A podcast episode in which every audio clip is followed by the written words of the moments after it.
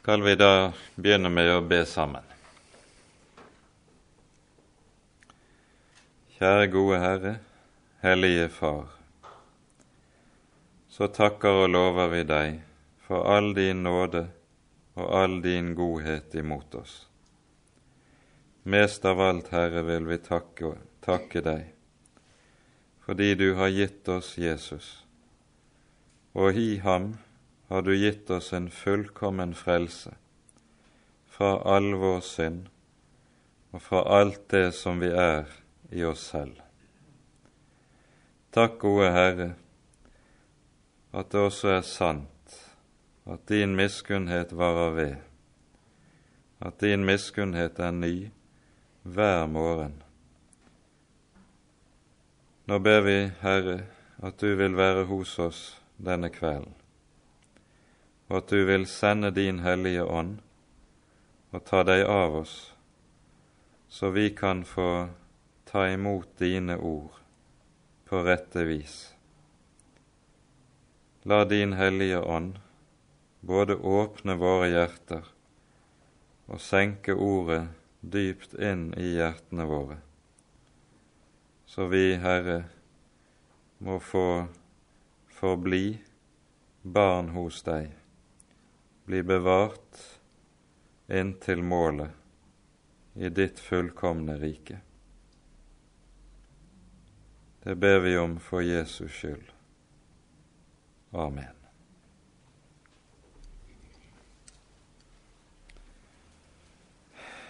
Vi gjør det da slik at vi leser fra det tyvende verset her i kapittel fire og ut kapittelet. Dere har ikke lært Kristus således å kjenne, om dere ellers har hørt om ham og er blitt opplært i ham således som sannhet er i Jesus, at dere etter deres forrige ferd skal avlegge det gamle mennesket, som forderves ved de dårende lyster, men fornyes i deres sinns ånd, og ikle dere det nye mennesket, som er skapt etter Gud, i sannhetens rettferdighet og hellighet. Derfor avlegg løgnen og tal sannhet, enhver med sin neste, fordi vi er hverandres lemmer. Om dere vredes, da synd ikke. La ikke solen gå ned over deres vrede, og gi ikke djevelen rom. Den som stjal, stjeler ikke lenger, men arbeider heller i det han gjør noe godt med sine hender for at han kan ha noe å gi til den som trenger. Ingen råtten tale gå ut av deres munn, men sådan tale som er god til nødvendig oppbyggelse, så den kan være til gagn for dem som hører på. Og gjør ikke Guds hellige ånd sorg, Han som dere har fått til innseil til forløsningens dag all slags bitterhet og hissighet og vrede og skrik og spott være langt borte fra dere, like som all ondskap, men vær gode mot hverandre, barmhjertige, så dere tilgir hverandre like som Gud har tilgitt dere i Kristus. Amen.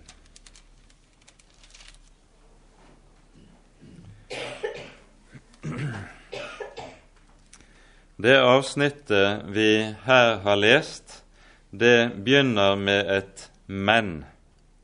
Men dere har ikke lært Kristus således å kjenne.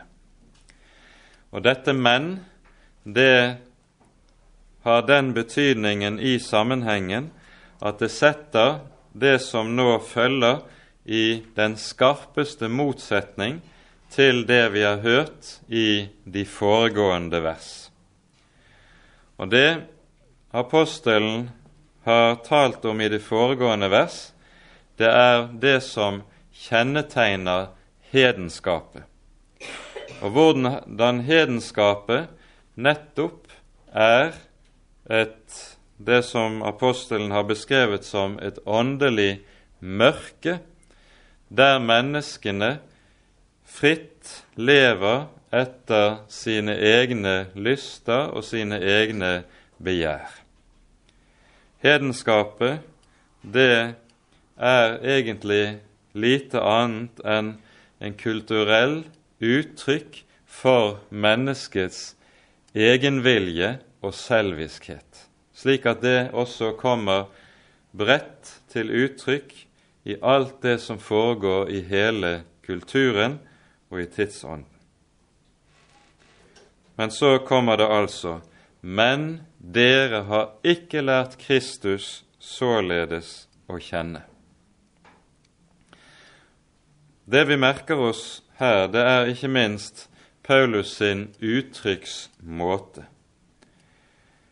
Han sier ikke her, når han skal begynne å tale om det kristne livet, så sier han ikke dere har ikke lært Guds lov eller Guds vilje således å kjenne.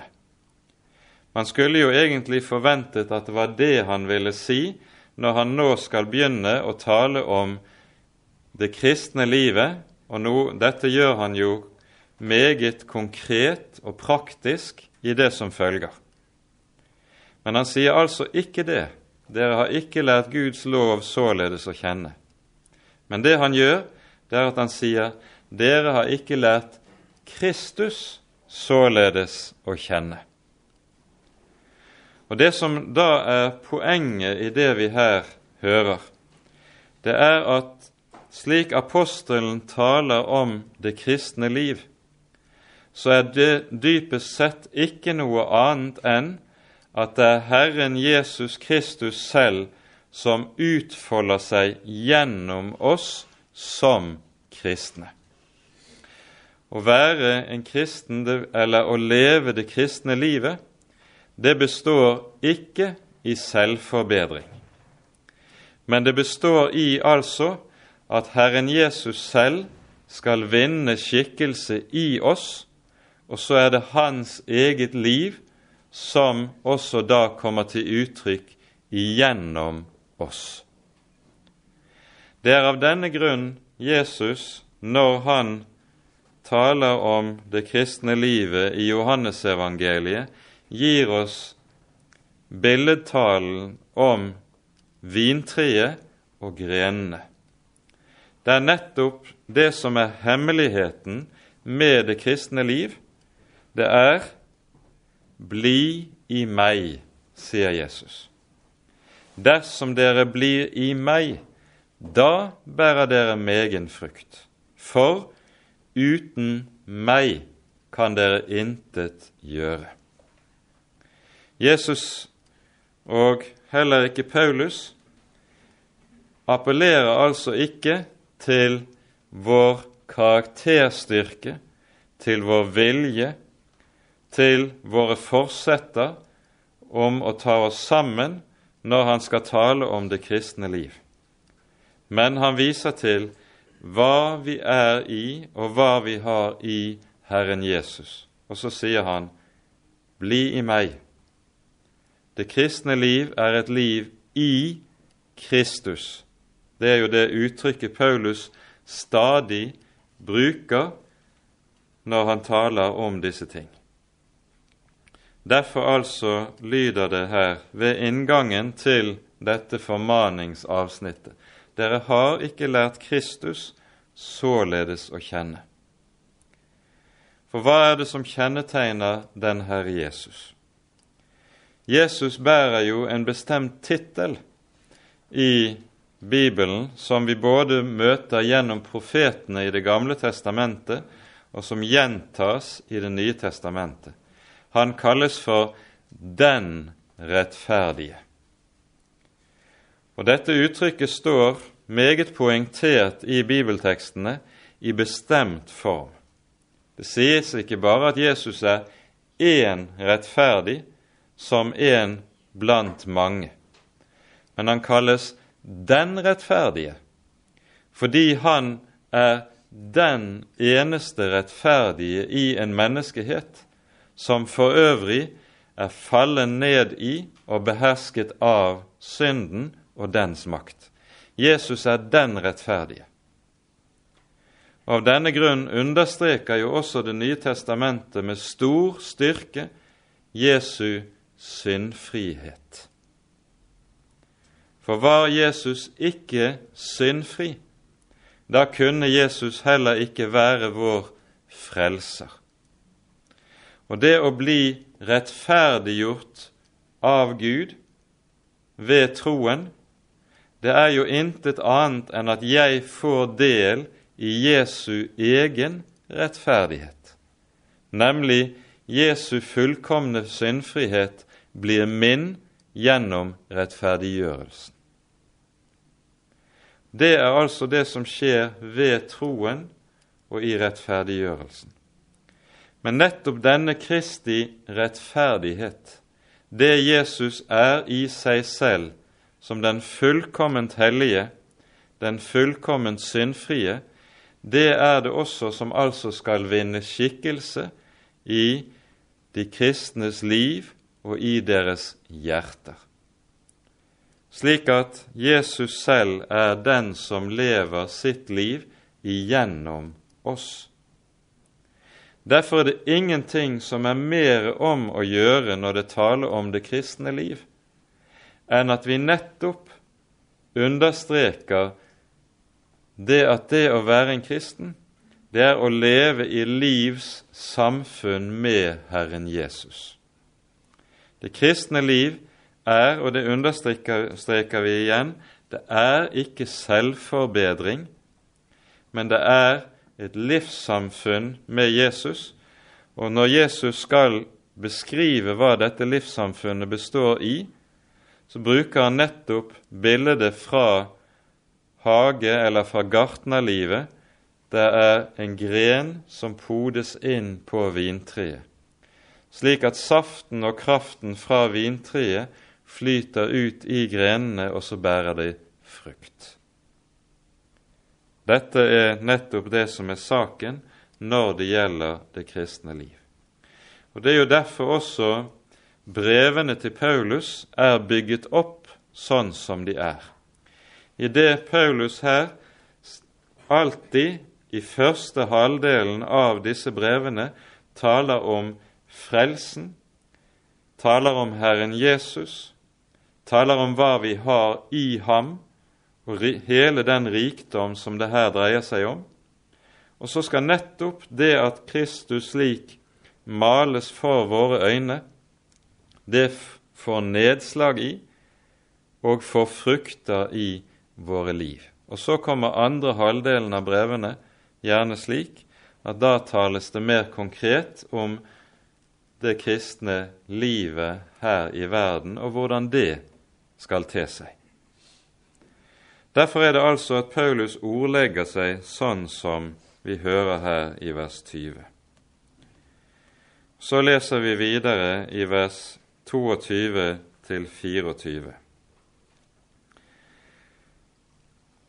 Her sies det etter deres forrige ferd skal dere avlegge det gamle mennesket, og så vers 24 ikle dere det nye mennesket. Her merker vi oss at det som det bildet som Paulus her bruker, det er rett og slett tale om klesplagg. Det gamle mennesket sammenlignes med et gammelt og skittent klesplagg som vi da kler av oss, og så skal vi ikle oss den nye drakten som beskrives i vers 24, som er skapt etter Gud i sannhetens rettferdighet og hellighet. Dette er noe som på grunnleggende vis skjedde i begynnelsen av det kristne liv i den hellige dåp. Dette sies uttrykkelig i Galaterbrevet i det tredje kapittel. Her sies det slik i vers 27, og vi kan lese sammenhengen med vers 26 også. Alle er dere jo Guds barn ved troen på Kristus Jesus. For dere, så mange som er døpt til Kristus, har ikledd dere Kristus. Nettopp dette, denne sannhet, det ble i Oldkirken anskueliggjort veldig klart i forbindelse med dåpen. For dåpen foregikk gjerne i Oldkirken aller helst påskenatt, natten forut for Jesu oppstandelse fra de døde. Og da, og Det var for å uttrykke den sannhet som vi finner i Romerbrevets sjette kapittel, at dåpen det er en dåp til Kristi død og Kristi oppstandelse, der vi nettopp podes inn i og forenes med Jesus i både hans død og i hans oppstandelse. Derfor hadde man gjerne foretrakk man å ha dåpen påskenatt.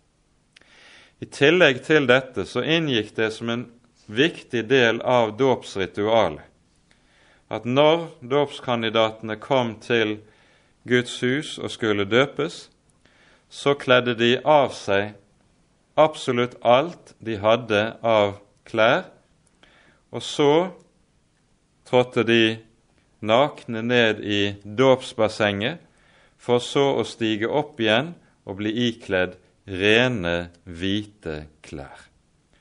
Og Dette skulle nettopp anskueliggjøre dette, at livet i Gud består av en avkledning av det gamle mennesket og ikledning av det nye.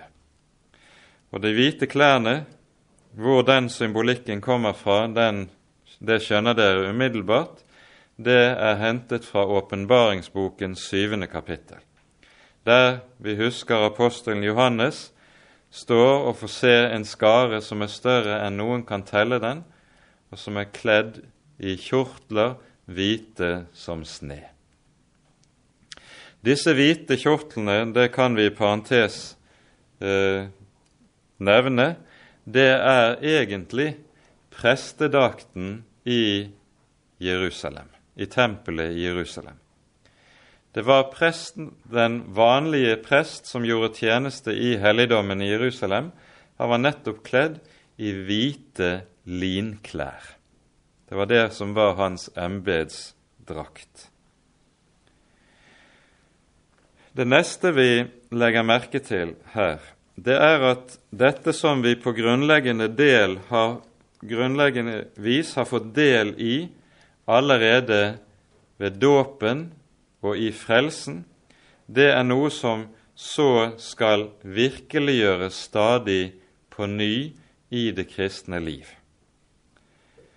Luther sammenfatter dette veldig komprimert i uttrykket at det kristne liv består i det helt enkle bli hva du er. En kristen er rettferdig ved troen, ja, så skal han også nettopp bli det i sitt liv. Bli hva du er. Så enkelt kan det sies, det som er en grunnleggende hemmelighet i helliggjørelsen. Det neste vi også merker oss her, det er at Paulus, før han i det hele tatt begynner å tale om de konkret, ulike konkrete forhold i livet, det er at han taler allment om det gamle mennesket. Dere skal etter deres forrige ferd avlegge det gamle mennesket. Med det uttrykket tenker han på det som ellers kalles for kjødet i Det nye testamentet. Og Jesus sier jo i Johannes 3,6.: Det som er født av kjødet, er kjød. Altså, her er det tale om hva vi er av naturen ut fra allerede fra vår fødsel. Det er tale om en arv hele menneskeslekten bærer med seg like fra Adam av. Og Dette kalles for det gamle mennesket i denne sammenheng. Han skriver ikke bare den gamle natur eller syndenatur, men han skriver menneske. Og Det er ganske viktig å merke seg, for med det peker han også på at her er det tale om at vi også får en ny identitet. Og dette er helt grunnleggende å være oppmerksom på at nettopp det som den kristne tro innebærer for oss, både når det handler om troen og livet, så handler det nettopp om at vi er gitt en ny identitet som kristen. En kristen er noe annet og vet han er en annen gjennom troen og det å blitt podet inn på vintreet. Og Derfor brukes det altså ordet 'menneske' i denne sammenheng. Viktig å være klar over. Motsetningen her mellom det gamle og det nye mennesket, den beskriver Paulus veldig kortfattet i disse versene. Mens i Romerbrevet åttende kapittel behandler han dette mye mer vidtgående. Og Her bruker han ordet i hvert fall for de av dere som har norsk bibel eller 1930-oversettelsen, så bruker han begrepet kjød for å betegne det gamle mennesket, og ånd for å betegne livet til det nye mennesket. Og Her kan vi godt lese noen vers ifra denne sammenhengen i Romane 8. Vi leser fra vers 5. For de som er efter kjødet, attrår det som hører kjødet til. Men de som er etter Ånden, attrår det som hører Ånden til. For kjødets attrå er død, men Åndens attrå er liv og fred. Fordi kjødets attrå er fiendskap mot Gud. For det er ikke Guds lov lydig, og kan heller ikke være det. Og de som er i kjødet, kan ikke tekkes, kan ikke behage Gud. Men dere er ikke i kjødet, men i ånden, så fremt Guds ånd bor i dere. Men har noen ikke Kristi ånd, da hører han ikke ham til. Men er Kristus i dere, da er vel legemet dødt på grunn av synd, men ånden er liv på grunn av rettferdighet. Men dersom Hans ånd som oppvakte Jesus fra de døde, bor i dere, da skal Han som oppvakte Kristus fra de døde, også levendegjøre deres dødelige legemer ved sin ånd som bor i dere. Derfor, brødre, står vi ikke i gjeld til kjødet, så vi skulle leve etter kjødet.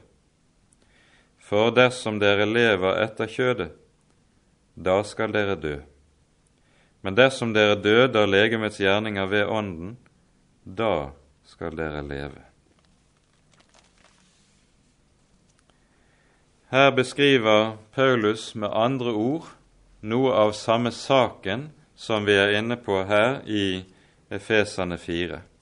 Dersom dere døder legemets gjerninger ved Ånden, da skal dere leve.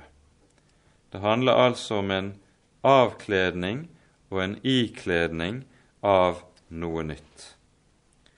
Og Som vi også pekte på sist gang, så er det slik at når dette uttrykket eller bildet som har med klesplagg brukes, så er det rett og slett fordi når vi ikler oss et nytt plagg, så er det noe som vi ikler oss fordi det er noe som ligger ferdig for oss. Den rettferdighet som vi skal ikle oss, og når vi taler om det kristne liv, det er nettopp Kristi egen rettferdighet som vi skal iføre oss. Den ligger ferdig for oss. Og Derfor handler alltid det kristne liv først og fremst om å være seg bevisst avhengigheten av hvem Jesus er, og hva jeg har i Herren Jesus. Hvordan avlegger jeg så det gamle mennesket? Først og fremst skjer det gjennom det som fra gammelt av vi gjerne har kalt for den daglige omvendelse. Og den kommer til uttrykk i det at jeg bekjenner min synd daglig for Gud. Det er gjerne noe som vi som fra gammelt av har hørt med til aftenbønnen i det kristne liv. At før vi går til hvile, så bekjenner vi alt det som ligger oss på samvittigheten, for at vi kan legge det fra oss. Og her er jo saken den at nettopp det å bekjenne synd, det til det knytter det seg et veldig løfte. Dersom vi bekjenner våre synder, da er Han trofast og rettferdig, så han forlater oss syndene og renser oss fra all urettferdighet. Og Da merker vi oss nettopp uttrykksmåten dersom vi bekjenner, så er Han trofast og rettferdig, så Han renser oss fra all urettferdighet. Merk det. Og Dermed så ser vi også hva hvorfor vi har det innskuddet som vi finner i vers 23 mellom talen om å avkle seg og å ikle seg. For der står det altså motsetningen til å avkle seg, det gamle mennesket. Hva er det? Jo, fornyes i deres sinns ånd. Og Her merker vi oss at verbet 'fornye' altså står i passiv. Jeg kan nemlig ikke fornye meg selv. Det er noe som må skje med meg, og som gjøres av en annen. Det gjøres av Herren selv. Og hvordan skjer denne fornyelse? Den er noe som altså skjer, står det, i deres sinns ånd. Her er det med andre ord ikke tale om en fornyelse som først og fremst skjer i det ytre. Altså, det kristne livet springer aldri ut av at jeg legger av meg enkelte ytre uvaner og uskikker eller ytre synder, og så lever jeg dermed som en kristen. Nei, fornyelsen er noe som først og fremst, som vi her hører, skjer i vårt sinns ånd, og som med andre ord kommer innenfra. Det er en fornye, fornyelse av sinnet, ikke av skinnet. Og Kanskje vi også skulle merke oss at når Paulus taler slik han her gjør, så er det en bibetydning av ordet 'sinn' her, som rett og slett betyr tanke. For det som skjer når jeg for, for det første bekjenner mine synder i stedet for, som det naturlige mennesket gjerne ønsker å gjøre det, forsvare og unnskylde dem, og dernest at Herren ved det renser meg fra all urettferdighet. Det fører også med seg at jeg som et Guds barn stadig øves i å tenke nytt tenke annerledes. Dette er en sidebetydning av dette. For det er jo noe vi vet, at slik som et menneske tenker, slik lever det også.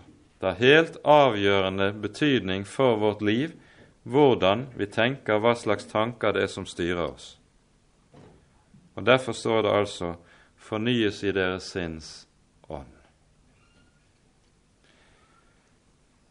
Og så kommer det altså i det neste Ikle dere det nye mennesket som er skapt etter Gud, i sannhetens rettferdighet og hellighet. Det som vi her er inne på eller møter, det er en grunntanke som går igjen en rekke steder i Det nye testamentet.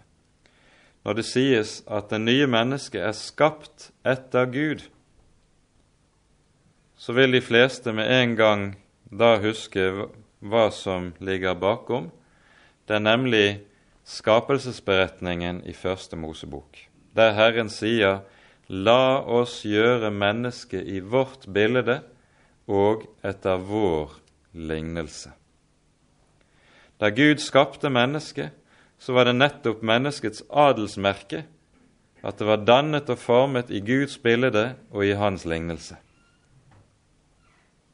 Men når synden kommer inn, og Adam og Eva faller, så er noe av det fatale med syndefallet det er nettopp at gudsbildet i oss ødelegges. Når Paulus nå taler om det nye livet som gis oss i Herren Jesus, så er da poenget her nettopp det at det nye mennesket, det nye livet, det innebærer og handler om en gjenreisning av det gudsbildet som er ødelagt. Det er skapt etter Gud, etter Guds bilde.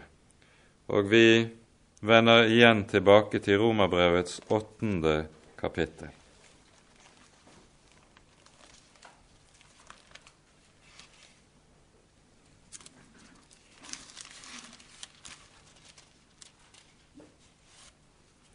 Her leser vi vers 29.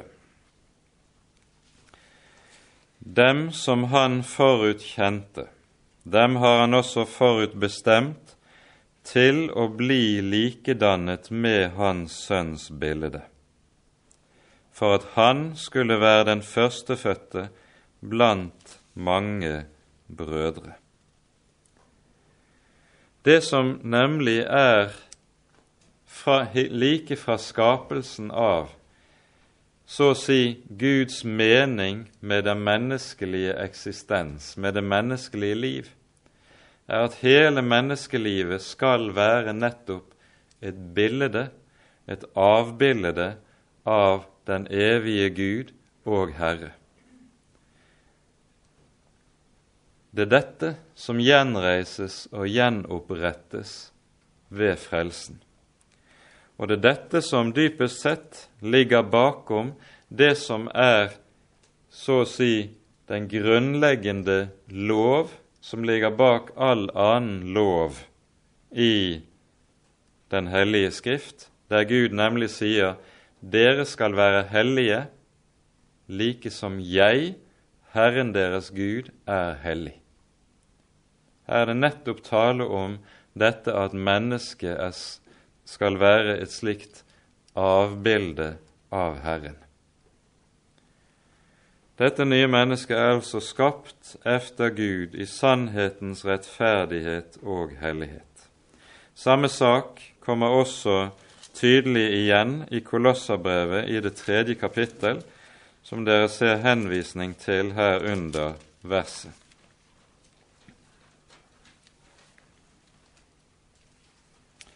Det står slik i vers 10 om de troende dere har ikledd dere det nye mennesket, som fornyes til kunnskap etter sin skapers bilde. Det siste vi merker oss med disse versene fra vers 22 til vers 24, det er at det er en så å si parallellitet mellom disse versene i det de settes liksom opp imot hverandre bestemte motsetninger. På den ene siden så har vi verbet i vers 22 om det gamle mennesket. Det sies at det forderves. Det betyr ødelegges det er noe som bederves og går til grunne. Mens motsetningen er, i vers 24, det er noe som skapes, som altså blir til av intet. Det er nyskapelse. Og så står det uttrykket som er omt, som her er oversatt 'de dårende lyster'. Det står egentlig bokstavelig 'bedragets lyster' i grunnteksten. Og Da skjønner vi at motsetningen til bedraget, det er i vers 24 sannheten. Og motsetningen til lyster i vers 22, det er rettferdigheten og helligheten. Og Slik står uttrykker Paulus seg på en sånn måte at vi ser tingene satt direkte opp imot hverandre, og på den måten kastes det også videre lys over hva det egentlig dreier seg om. Når Paulus nå har pekt på dette, så går han over til å tale konkret om det kristne livet. Og Dermed ser vi i vers 25 kommer det et 'derfor'. Når han først har talt om det allmenne, så taler han nå om det konkrete. Derfor avlegg løgnen og tal sannhet, enhver med sin neste. Dere er jo hverandres lemmer. At Paulus begynner med nettopp å tale om forholdet mellom løgn og sannhet, er nok neppe tilfeldig.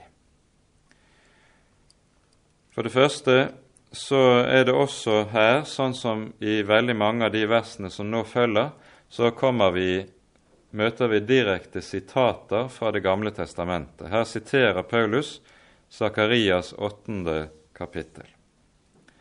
Men det neste er altså at løgnen er noe som etter Guds ord er en grunnbestemmelse når det gjelder det falne mennesket. I Salme 62 sies det om det falne mennesket hvert menneske er en løgner. Og Da menes det ikke løgn i den overfladiske betydning at jeg sier at jeg kommer hjem klokken ti, og så kommer jeg hjem klokken ti.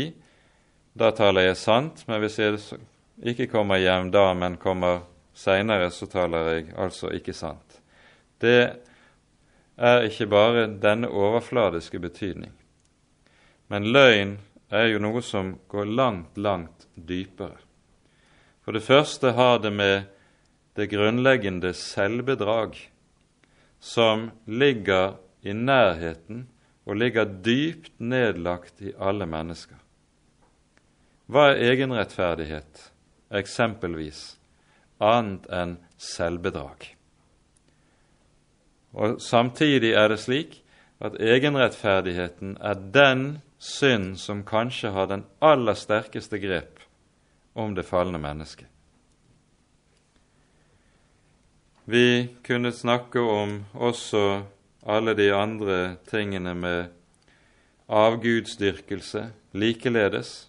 Avgudsdyrkelsens er jo ikke noe annet enn løgn, slik som Bibelen taler om det. Og så kan vi gå videre til de mer enkle formene for løgn. Om alt dette lyder det et viktig ord i den 51. salmen i det åttende verset. Der sies det:" Du, Herre, har lyst til sannhet i hjertets innerste. Du har lyst til sannhet i hjertets innerste. Og så lyder det i neste halvdelen av verset Så lær meg da visdom i hjertets dyp. At Herren ved sitt ord og ved sin ånd kan gjøre et menneske sant, sannferdig. Det er noe av det største under som skjer ved Guds hellige ånd. Og Derfor er det også slik at der dette får skje, der tales det om at de som hører Herren til, det er de som er født av sannheten. De er av sannheten. Og så er det da også slik at kjærligheten gleder seg over sannhet. Og det er et livsbehov hos en kristen å være sann i all sin ferd. Og likeledes også derfor i all sin tale. En kristen skal sky usannhet i sin tale. Enten usannheten kommer i form av den blanke løgn, eller den kommer i form av halvsannheter, overdrivelser, baktalelse, det å pynte på sannheten osv. Alle slike ting skyr en kristen. Sannhet i talen er noe som hører sammen med det kristne liv. Derfor er også alt som har med smigger og hykleri, noe som skal være vesensfremmed fra sann kristen tro. Derfor avlegg løgnen og tal sannhet, enhver med sin neste. Det neste Paulus griper tak i konkret om, er det som har med aggresjonsdriften hos oss å gjøre. Om dere vredes, da synd ikke. På ny er det et sitat fra Det gamle testamentet, her fra Salme 4. Og Det vi legger merke til i dette, er at ikke all vrede er i seg selv syndig. Det er av og til at man har Det har vært forkynt slik at du nærmest har fått forståelsen av det. Men det er også noe som kan kalles for rettferdig vrede eller hellig vrede. Det er jo ikke minst sant når det gjelder den levende Gud selv. Det står jo om Herren at han også er en Gud som vredes, nemlig over det onde. Det onde er noe som er Gud utålelig. Mens det som kjennetegner den syndige vrede, det er at den vokser frem av egenkjærligheten. På ulike, ulike måter så er det egoismen som reiser hodet når det er den syndige vrede. Eksempel, du blir fornærmet over at noen taler et skeivt ord til deg. Så kommer det ut i harme eller vrede. Den slags vrede som springer ut av slikt, det er noe som vi skal nettopp ta denne formaningen til hjertet på. For da sies det om dere vredes, da synd ikke. For i dette ligger det jo også en klar realisme. Slik som vi nemlig er som mennesker, så er det umulig å unngå å bli sinna på ulike måter. Særlig gjelder jo det kanskje de som står oss aller nærmest, rett og slett fordi de kommer bakenfor og innenfor vesten på oss. Og Da sies det altså om dere vredes, da synd ikke. Det vil si, vreden skal holdes i tømme, slik at den ikke kommer ut i onde ord, og fremfor alt ikke dyrkes og gjemmes, for da kan det bli en livsfarlig makt og kraft i det. Det går an, om en blir vred, likevel å styre sin tunge og sitt sinne. Det skal en kristen beflitte seg på også. Og Derfor sies det også la ikke solen gå ned over deres vrede. Det vil si, vreden skal ikke bli mer enn en dag gammel. Man skal ikke gå og gjemme på den, slik at du lar dag etter dag gå og du ikke får talt ut og blir ferdig med det og lagt det fra deg. Da blir det synd av det, og det kan bli en rot og en bitterhet som vokser i hjertet til det helt tar makten fra en. La ikke solen gå ned over deres vrede. Ikke minst er jo dette en viktig regel for ektefolk, at man skal aldri legge seg sint på hverandre. Og så knyttes det til, til dette ordet i vers 27 gi ikke djevelen rom. For det er noe med Det er vel ikke tilfeldig at nettopp dette sies i tilknytning til talen om vreden.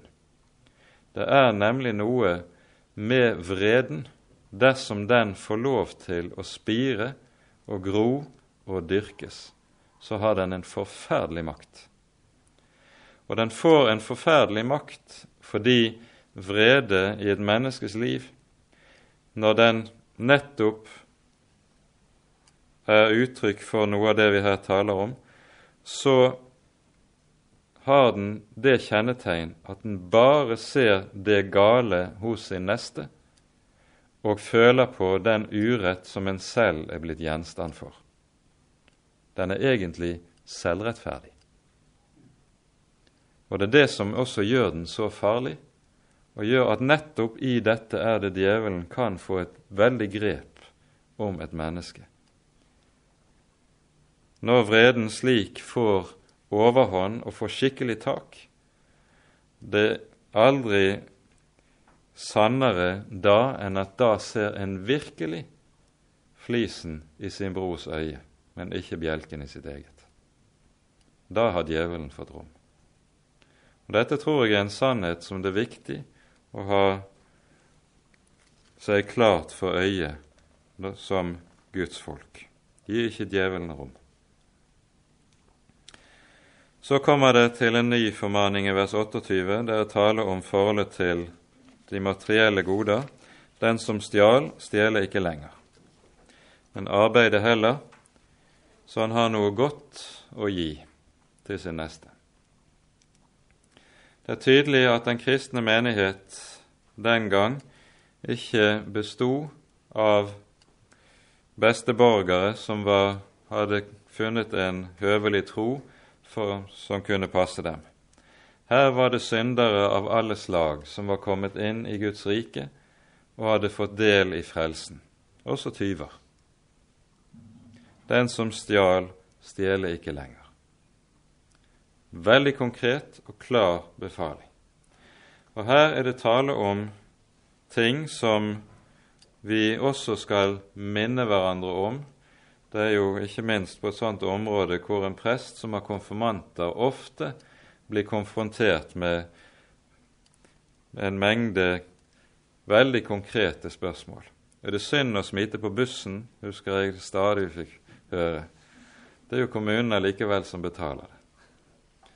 Visst er det synd. Men det er synd også å stjele arbeidstid fra sin arbeidsgiver og ta uforholdsmessige lange pauser. Da stjeler man egentlig lønn som man ikke har rett på fra sin arbeidsgiver. Slik kan vi liste opp inn i konkrete forhold.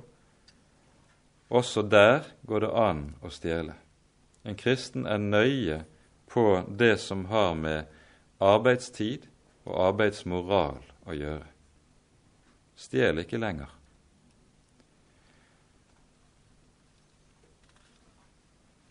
Og så sies det det som er det motsatte. Og han gir også her en positiv motsetning til det som er sagt. Gjør noe godt med sine hender for at han kan ha noe å gi til den som trenger det.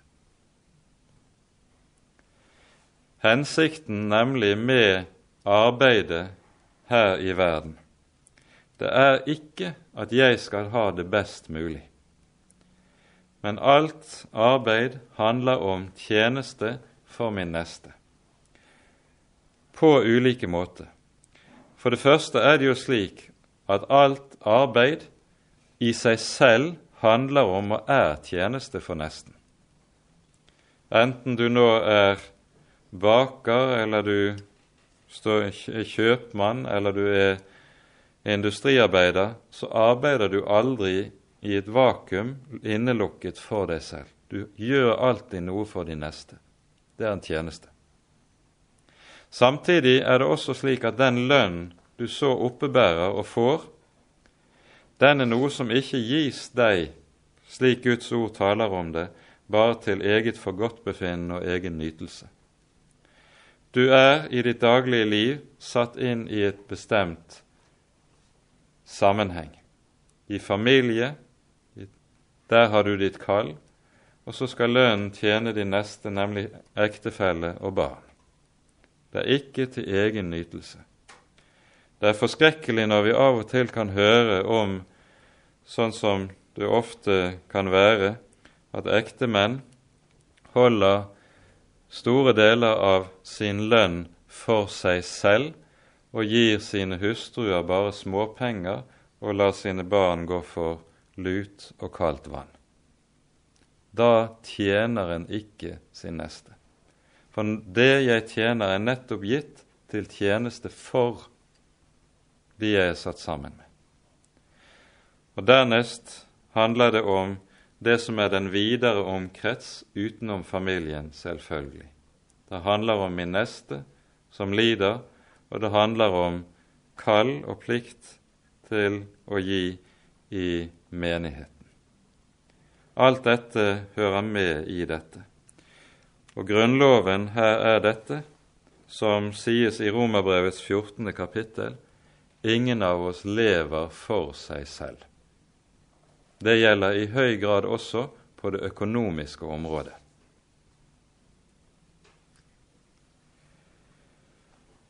Apostelen går så videre til å snakke om våre ord. Ingen råtten tale går ut av deres munn, men sådan tale som er god til nødvendig oppbyggelse, så den kan være til gagn for dem som hører på. Alt som altså vi kaller for skittent snakk, dårlige vitser og alt sånt, det er noe som en kristen holder seg unna. Det er uverdig det kristne liv.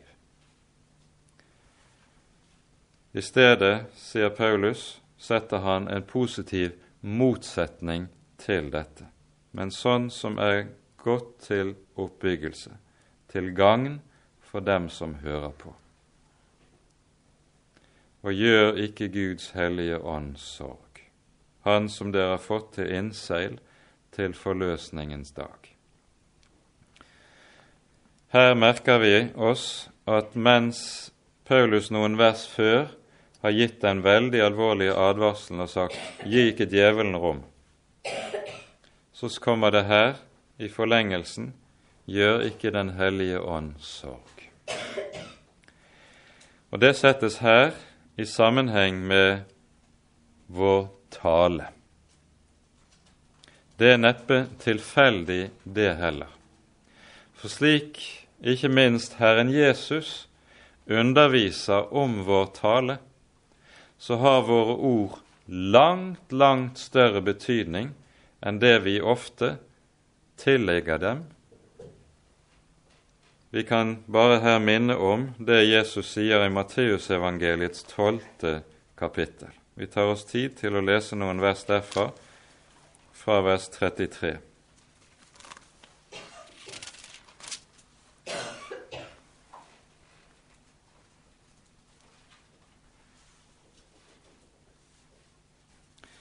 La enten treet være godt og dets frukt god, eller la treet være dårlig og dets frukt dårlig. For på frukten skal treet kjennes. Ormeyngel, hvordan kan dere tale godt, dere som er onde? For det hjertet flyter over med, det taler munnen.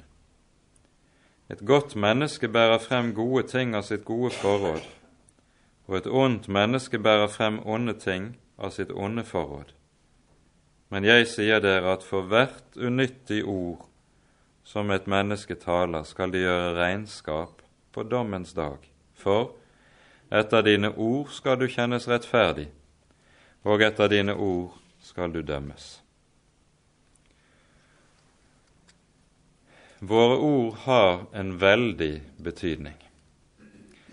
Og saken er vel også den at det aller meste onde som mennesker kan gjøre, det gjør de nettopp med sin munn.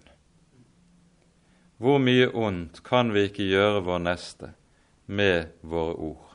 Giftige ord, ondskapsfulle ord, bitter ironi, bakvaskelse, alt dette som kan komme over et menneskes lepper.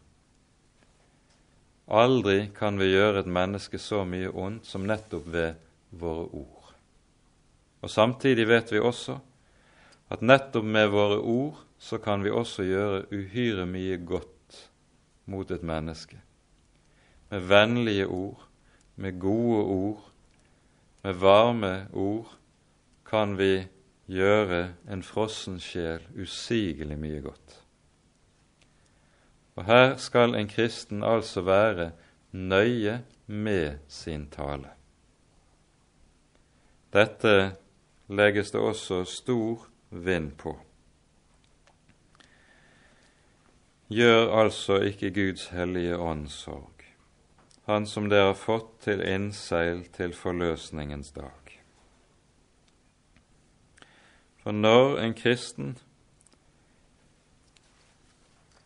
i stedet for å la seg styre av Ånden, lar det gamle mennesket styre, og her er det tale om vår tale, nettopp da, da gjør vi også Guds ånd sorg. Og vi var satt til å være Den hellige ånds tempel. Til slutt vender Paulus tilbake til noe av det som vi var borte på tidligere, all slags bitterhet og hissighet, vrede og skrik og spott være langt borte fra dere, like som all ondskap.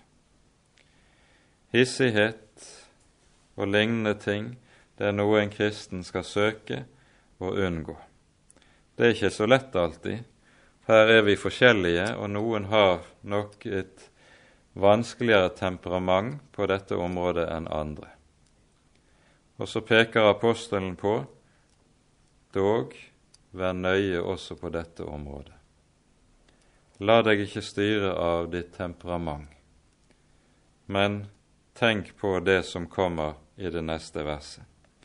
Vær gode mot hverandre. Vær gode mot hverandre. Barmhjertige så dere tilgir hverandre like som Gud har tilgitt dere i Kristus. Og så vender Paulus her tilbake til det vi var inne på i sted. Det å være en kristen, det er å nyskapes til Kristi avbilde. Og derfor lyder det altså like som Kristus, så dere. Det er dette Jesus også sier så uttrykkelig i eh, Johannesevangeliets 13. kapittel når han sier et nytt bud gir jeg dere. Hva er det som er nytt med dette budet? Jo, dere skal elske hverandre like som jeg har elsket dere. Dere som gjør budet nytt, det er ordet like som. For her har disiplene fått lov til å være øyenvitner til hvorledes Jesus i sin godhet og i sin kjærlighet gir seg selv. Gir seg selv for syndere. Han døde ikke for gode, for rettferdige og for fromme, men han døde for ugudelige og for syndere. Han ga seg selv. Og så sier apostelen altså like som Kristus har elsket dere, skal dere elske hverandre. Like som Kristus har tilgitt dere, skal dere tilgi hverandre. Dere er satt til og skapt til å være Herrens avbilde.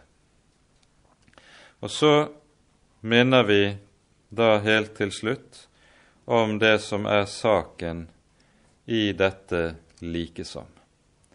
For hvordan er det dette likesom får rom hos oss?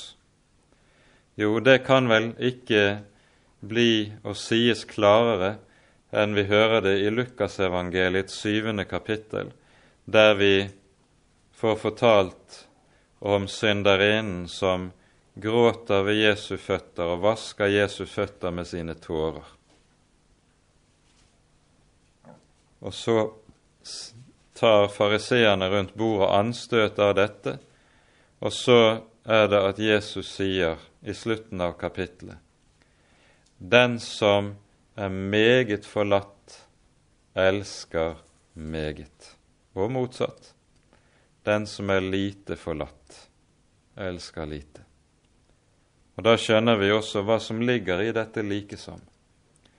Like som Kristus har elsket dere, skal dere elske hverandre. I jo større grad du blir klar over hvor meget du selv er tilgitt, i jo større grad er du også selv i stand til å tilgi de neste.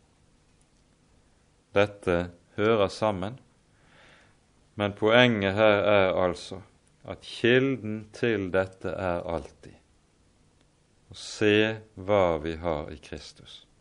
Den som er meget forlatt, han, osv. Ære være Faderen og Sønnen og Den hellige ånd, som var og er og være skal, en sann Gud, høylovet i evighet. Amen.